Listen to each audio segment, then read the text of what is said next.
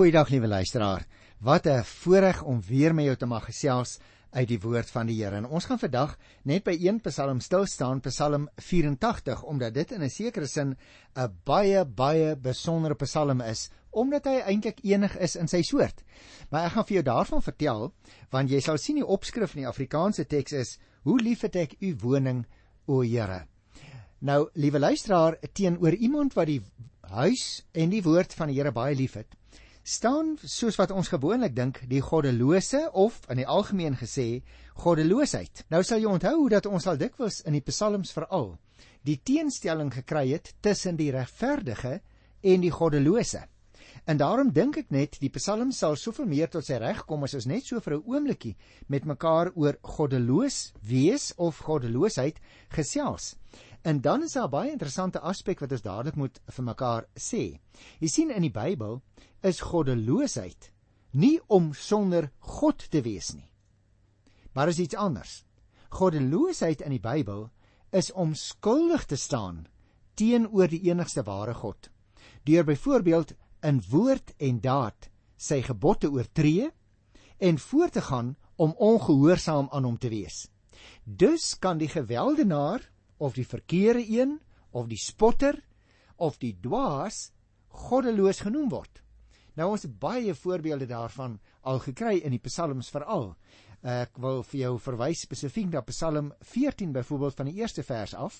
Psalm 10 by die derde vers. Ag as 'n hele klomp psalms uh, wat ons nog kan aanhaal, maar kom ek gee ook vir jou verwysings uit ander boeke soos byvoorbeeld Spreuke 3 by die 31ste vers of Job by die 8ste hoofstuk by vers 13 waar uh, hooghartigheid teenoor God ook in 'n sekere sin gesien word as goddeloosheid. Of byvoorbeeld om die Here te tart, soos in Jesaja 5 by vers 12 en vers 19. Met ander woorde, liewe luisteraar, die goddelose verag God en hy ag dit dan ook nie die moeite werd om die Here te dien nie. Gaan kyk ook in Maleagi 3 by die 14de vers.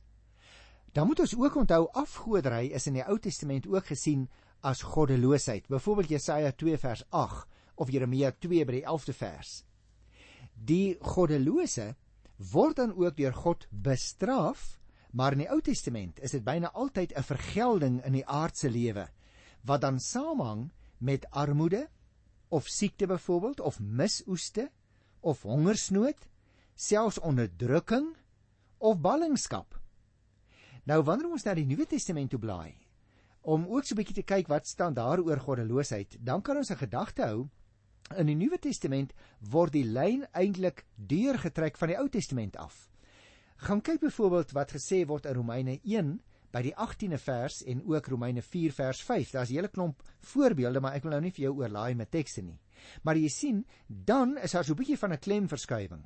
Die straf is daar meer word dan meer geestelik van aard gesien en sal as daar in goddeloosheid volhard word vir ewig duur volgens 1 Petrus 4 by die 18de vers en Judas by die 13de vers. So daar is so 'n klein bietjie 'n verskywing in die klem wanneer 'n mens oor die goddelose of goddeloosheid praat, soos wat dit voorkom in die Ou Testament en dan ook in die Nuwe Testament. Maar kom ons doen nou eers Psalm 84. Ek het vir jou gesê dis 'n Psalm wat 'n besondere eie aard het. En daarom gaan ek ook so bietjie na die tyd vir jou vertel van die tempel want jy gaan nou sien Psalm 84 handel juis daaroor. Hoe lief het ek u woning, Here.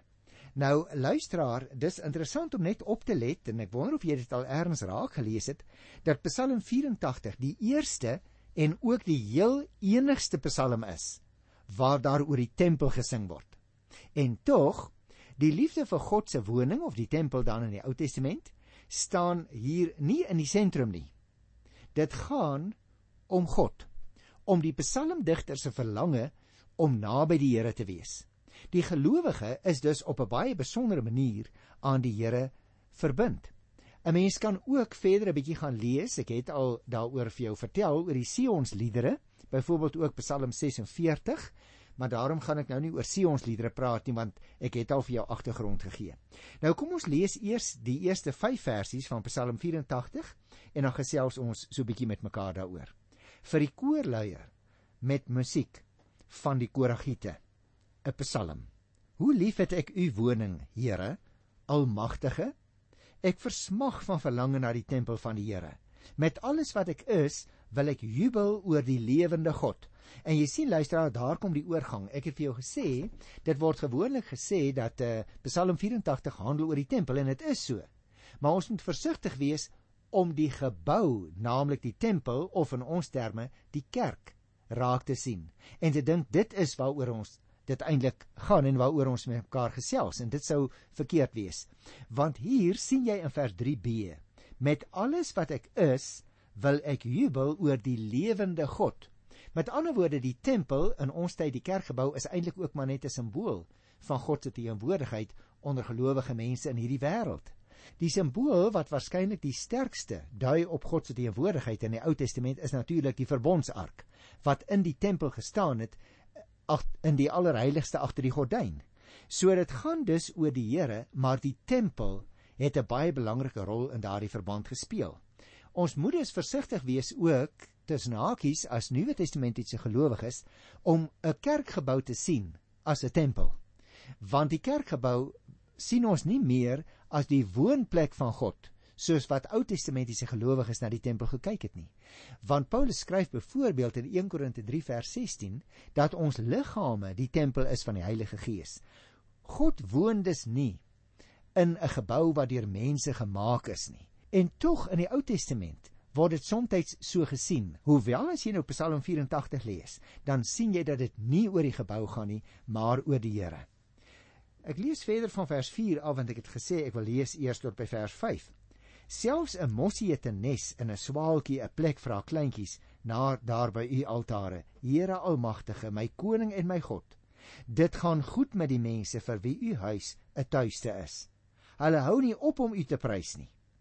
Sela. Nou ek het al vir jou gesê die presiese betekenis van daardie woordjie Sela verstaan ons ook nie. Dit is heel moontlik 'n musikale aanduiding maar die werklike betekenis daarvan het vir ons so 'n bietjie agter die nevels van die tyd verlore geraak. Daar's wel al proefskrifte daaroor geskrywe en in die mees algemene gevalle word dan gesien dat dit 'n uh, musikale aanduiding is vir die digter wat die koor afrig of die koor dirigeer. Nou, liewe luisteraar, die skrywer wil dit voorkom wou so bietjie wegkom van die besige lewe en hy wou graag vir God in sy tempel ontmoet. Natuurlik kan jy en ek die Here op enige plek ontmoet en ook in enige tyd en in enige situasie. As ons byvoorbeeld na 'n erediens sou gaan, kry ons die geleentheid om weg te kom van die gewone gedrang van die lewe. Van daardie aktiwiteite wat ons lewe in 'n sekere sin oorheers elke dag en so 'n bietjie vir 'n rukkie in stilte na te dink oor ons verhouding met die Here en ook sommer net rustig te sit in die erediens om die Here te aanbid. Daar in die kerkgebou vind ons dan ook baie vreugde. So blyk dit uit wat die psalmdigter hier in Psalm 84 vir ons sê. Nie in die gebou en omgewing nie, maar hy vind sy vreugde in die gebed, in sang, in onderrig, in gemeenskap wat hy deel met die gelowiges daar in die erediens. Die tempel het ek reeds vir jou gesê en ek dink jy weet dit al baie goed word dikwels in die psalms vermeld. Dit word ook die heiligdom genoem 13 keer. Dit word 13 keer ook die woning van die Here genoem of die huis van God 17 keer of net die woonplek 6 keer. Maar dit is in hierdie psalm waar ons die enigste psalm het waarin daar werklik oor die tempel gesing word. En tog het ek nou net vir jou verduidelik die liefde vir God se woning en die verlange na die tempel van hierdie Ou Testamentiese bidder staan selfs hier in hierdie Psalm nie in die middelpunt van die lied nie. Dit gaan om God om die psalmdigter se verlange om naby God te wees. En wat dit betref sluit die inhoud van die psalm dan ook baie goed aan by byvoorbeeld Psalms 42 en 43. Ons moet onthou as ons nou die gedagte prentjie teken, liewe luisteraar, die tempel was op Sionsberg en dit moes 'n geweldig indrukwekkende gebou gewees het en moet 'n besondere indruk gemaak het op die pelgrims ook wanneer hulle van die platte land af uit alle rigtings na die Sionsberg. Dit is nou eintlik maar 'n klein heuweltjie uh in daardie bergagtige gebied naderkom. Nou hierdie gedagte word baie sterk beklemtoon in Hebreëus deurdat die meervoudsvorm van die tempel hier gebruik word, byvoorbeeld woninge, soos wat dit in die letterlike taal in Hebreëus staan. Dit is immers die woning van die Here, die Almagtige, staan daar in die eerste 4 versies. Nou tog val die aksent nie so seer op die indrukwekkende gebou nie, het jy opgemerk, maar op die pelgrim se liefde vir en sy gehegtheid aan die tempel in die tweede versie. Maar as ons kyk na vers 3 dan sal jy sien, hy versmag van verlange sê hy na die tempel omdat hy en let nou op die lewende God daar ontmoet. Daarom het ek vir jou gesê ons moet versigtig wees in die beskrywings wat ons lees, want dit gaan nie om die tempel nie. Dit gaan om die tempel as 'n simbool van die lewende God wat daar ontmoet word. Die betekenis van die tempel vir die gelowige en wat God die almagtige daar in die tempel vir hom beteken, word dan ook uitgedruk in die beeld, pragtige beeld van die voëls, die mossie en die swaaltjie in die 4de vers. Selfs hulle word nie verjaag as dit daar op die tempelterrein sou vlieg en so 'n bietjie mors nie. En die swaaltjies se kleintjies staan daar is veilig by die altaar. Dit is dus 'n manier van praat, nie waar nie? Want 'n voeltjie sou ook nie by die tempel kon ingaan tot by die altaar nie. In die tempel is ook die mens dus veilig en geborge. Dit is die bedoeling van die beeld, lyk dit vir my. Uit die aanspreekvorm wat ons daar kry, my koning en my God in die laaste gedeelte van vers 4, blyk die eerbied en die liefde wat hierdie psalmdigter vir die Here sy God het. En daarom let weer eens op die voorvoegsel my koning en my God. Liewe luisteraar, dit laat altyd die vraag by my opkom wanneer ek in die Bybel opmerk of ek ook in my gebed so tot die Here nader, so met hom omgaan, nie net tot hom bid as die Here en as God nie, maar as my Here en my God. As ander mense u sou hoor bid en hoor aanbid, liewe luisteraar, hoor hulle daarin iets van die persoonlike verhouding wat jy verklank tussen jou en die Here. Want jy sien vir hierdie man is God die lewende, die almagtige, die koning, maar tog is die gelowige op 'n baie baie intieme manier aan die Here verbind en dit blyk dan wanneer hy praat van my God en my Here. Nou kom ons lees vers 6 tot by vers 8. Dit gaan goed met mense wat hulle krag in U vind en graag na U tempel toe gaan. Vir hulle gaan daar fortuine oop wanneer hulle deur 'n dorre laagte trek en die vroeë reëns sy seëninge bring keer op keer ontvang hulle nuwe krag totdat hulle voor God in Sion verskyn. Nou ja, mens moet natuurlik die situasie oor ook die aardrykskundige situasie en die klimatologiese omstandighede in Palestina onthou wanneer jy hierdie vers 6 tot 8 lees. Want ons moet in gedagte hou, liewe luisteraars, dat pelgrims, veral die wat ver gekom het, moes soms deur 'n dorre laagte, soos dit hier genoem word, na die tempel toe reis dan het die Here soms reën laat neergiet om hulle nuwe krag te gee sodat hulle die tempel veilig kon bereik. Jy moet onthou, baie van hierdie mense het oor 'n gedeelte van die Middellandse See per boot gekom. Sommige het uit Klein-Asië gekom, ander wat vandag bekend is as Griekeland en Turkye, ander het uit die verre suide gekom, uit uh, Egipte, uit die noordelike deel van Afrika, sommige het verder wes gekom, ander het verder oos gekom uit wat ons vandag ken as Jordanië en ander Arabiese gebiede. So hulle het ver gereis en nou sê hierdie psalmdigter, wanneer hulle dan op pad was na die tempel toe om God te ontmoet, dan het die Here ook vir hulle in die natuur op 'n besondere manier gesorg. Jy en ek moet ook dikwels eers ongelukkig nie net lang afstande af lê as ons op die platteland woon nie, maar ook liewe luisteraar wanneer ons moeilike tye belewe in ons eie lewe dan is dit met groot vreugde dat ons ook as ons op 'n plaas woon op die platteland na die dorp toe kan gaan en saam met medegelowiges die Here aanbid en sy aangesig kan soek. Jy sien, hierdie dorre laagte is waarskynlik nie 'n geografiese plek nie, maar is eerder lyk dit vir my 'n simbool van 'n dor wêreld wat deur reën omtower word. En dit is die agtergrond van die woorde wat ons moet raak lees hier wanneer hy praat van die dorre landskappe van die vroeë reëns wat gekom het. Vir die mens wat graag in die Here se teenwoordigheid wil wees, is negatiewe omstandighede of dit nou uiterlik fisies is en of dit 'n gemoedstoestand in jou binneste is, maar daardie omstandighede is gewoonlik 'n geleentheid om die trou en die seën van die Here by hernuwing te ervaar. En daarom is die seëninge van die gelowige wat by God krag vind volgens vers 6 aangedui met dit gaan goed aankondigings. Sowel as met die beeld van die oorvloedwater in die woestyn landskap wat gewoonlik so droog is. Ons moet onthou, luisteraars, daar is sekere gedeelte veral in die Sinaï skiereiland waar daar regtig nooit reën val deur die hele loop van 'n jaar nie.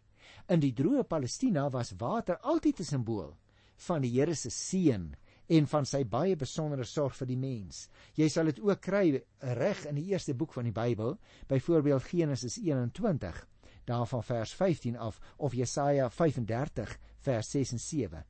Tydens die loofhuttefees tussen hakies het die pelgrims onderweg daarheen dikwels dors gekry, want die fees is in die droë seisoen, dit wil sê in die herfsttyd, gevier. Tog ondersteun die Here hulle en hy sorg vir hulle sodat hulle genoeg krag het, staan daar, om by Sion, die plek van aanbidding te kan kom vers 8 en voor God wie se woning daar is te verskyn. Goed, kom ons kyk nou vers 9 en vers 10. Here, almagtige God, hoor my gebed. Luister tog, God van Jakob. sien tog om na die koning, ons beskermer, o God. Hou u gesalfde onder u sorg. Dit is my baie wonderlik dat die psalms ook vir die koning bid, want hy woon ook op Sion, waar hy in die tempel gaan aanbid. Hy is immers die gesalfde van God sal jy onthou volgens Psalm 2 by die tweede vers.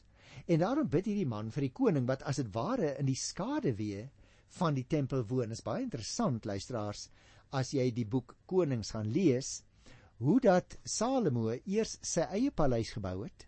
Hy het tussen hakies heelwat langer gebou aan sy eie paleis en die ander geboue wat aan die hofhouding behoort het as wat hy gebou het aan die tempel self. Maar dit maar net tussen hakies. Die punt is Salomo, die tweede koning van Oud-Israel, het in die skaduwee van die tempel gewoon elke dag van sy lewe. Sion was dan ook die woonplek nie net van die koning nie, maar daarom bid die pelgrim vir die koning wat in die skaduwee van die tempel woon, want hy is die gesalfde van God. Nou as 'n mens by vers 11 kom, hy staan in 'n sekere sin lyk dit vir my so bietjie alleen. Hy sê: "Waarlik, een dag in u tempel is beter as duisend daar buite. Ek staan liewer by die drempel van die huis van my God as om te woon in huise sonder God." Jy sien, die uh wees in die tempel van die Here. Daar sal hy liewer staan as wat hy sou woon. Met ander woorde, as hy ver van die Here af sou wees. Die betekenis van 'n besoek aan die tempel waar die pelgrim saam met ander sy godsdiens belewe en die verering van God deur offers doen, deur sang en deur musiek dit meemaak, dit beteken vir hierdie man baie. Selfs om maar net sê hy by die drempel van die huis van God te staan en in te kyk met ander woorde, is vir hom meer werd as om te woon, uh, permanent gevestig te wees in 'n huis waar God nie gedien sou word nie. En dan sluit hy af met vers 12 en vers 13. Die Here God is ons krag en ons beskerming. Die Here gee genade en eer. Hy weerhou die goeie nie van die wat reg lewe nie. Here Almagtige, dit gaan goed met die mens wat op U vertrou. Jy sien die besoek aan die tempel en die geestelike ondervinding wat die pelgrim daar gehad het, loop uit op 'n baie eenvoudige maar 'n baie opregte belydenis. Wat 'n mens in hierdie lewe nodig het, sê hy, is krag en beskerming en genade en eer en die goeie vir die alledaagse lewe. En op grond van die genadegawes uit die pelgrim dan die versekeringsuitspraak aan die einde. dit gaan goed met die mens wat vertrou op die Here, die Almagtige. Ek het gesê aan die einde wil ek nog graag so 'n bietjie met jou gesels en spesifiek dan oor die tempel. Nou ek het nie meer baie tyd nodig nie, dit lyk my so 4 of 5 minute. Maar nou moet ons onthou, hierdie Psalm lyk asof dit oor die tempel handel. Maar ons verstaan nou dit gaan eintlik oor die God van die tempel. En tog wil ek vir jou nou so 'n bietjie van die tempel vertel omdat dit so sentraal is ook in die gedagtes van die psalmes hier. Ons moet onthou dat Salomo die tempel op die Moria berg gebou het. Uh gaan kyk maar in 2 Kronieke by Hoofstuk 3 vers 1. Nou baie interessant, lees ons in 'n buitebybelse apokriewe boek naamlik 1 Makabeërs 14 by vers 26 hulle dit op koperplate geskrywe en die aan pilare op die berg Sion vasgemaak en dan staan daar na die apokriewe boek by vers 48 hulle het beveel dat hierdie skrif of op koperplate gestel sou word en dat die binne die grense van die heiligdom op 'n opvallende manier gesit gesit sou word sodat almal dit moes sien Hieruit volg dus, liewe luisteraar, dat die berg wat vir hulle 'n heilige berg was, die berg Sion, dieselfde as die berg Moria is. Ons dink soms dit was 'n ander gedeelte. Maar as jy vandag daar in Jerusalem kom en jy sou naby die klaagmuur op die geleide daarbo gaan, dan kom jy by die sogenaamde goue koepel. Dit is 'n heiligdom van die Arabiere wat Mohammedane is. En dan sien jy daar binne ook onder die vloer deur 'n opening 'n oorblyfsel van die berg Moria. Nou dit is dieselfde omgewing waar die tempel gestaan het. En hierdie berg Moria was dan bo op plat. In 'n sekere sin ons sou dit nou noem hier is die Afrika dit is 'n klein tafelberg. En daardie klein vlakte of plein, die enigste wat in die stad Jerusalem voorkom, is teenswoordig maar maar net so 500 by 300 meter ongeveer groot. Uh voorheen was dit selfs kleiner. Maar dit is toe in Salomo se tyd kunsmatig vergroot sodat daar genoeg plek sou wees nie net vir sy eie paleis nie, maar natuurlik ook vir die tempel. En daarom word dit soms verwys as die Tempelberg. Dit het ook genoeg oppervlakte gehad dat daar wat in die Bybel genoem word in 1 Konings 7 vers 2 die huis van die Libanon bos wat ook natuurlik in die tyd van Salomo gebou is. Nou op daardie bergplein lê dan die hoogs merkwaardige sogenaamde heilige rots. En hierdie beroemde rots luisteraars het eintlik 'n baie onreëlmatige vorm. Die grondplan lyk na iets soos 'n groot seil van 'n skuit en die afmetings is ook nie verskriklik lank nie, so bietjie oor die 17 meter lank en so bietjie breër as 'n uh, 13 meter. Miskien het die brandofferaltaar in die voorhof van die tempel juis op hierdie plat rots gestaan. Maar ons is nie seker daarvan vandag nie en daar is baie uh, verkeerde tradisies wat ook daaraan gekoppel word. Hoewel ons daarvan ook nie seker is nie, word dit tradisioneel aangewys as die plek waarop Abraham amper vir sy seun Isak geoffer het. Maar nou wil ek afsluit met die gedagte dat dit dus nie gaan oor die plek nie. Dit gaan oor die heilige almagtige God wat in daardie direkte omgewing aanbid is.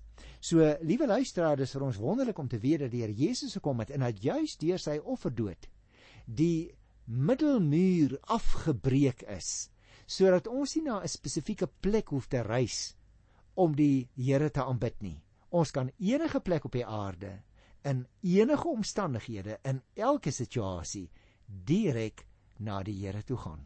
Wat 'n wonderlike wonderlike God is dit in wie jy en ek glo.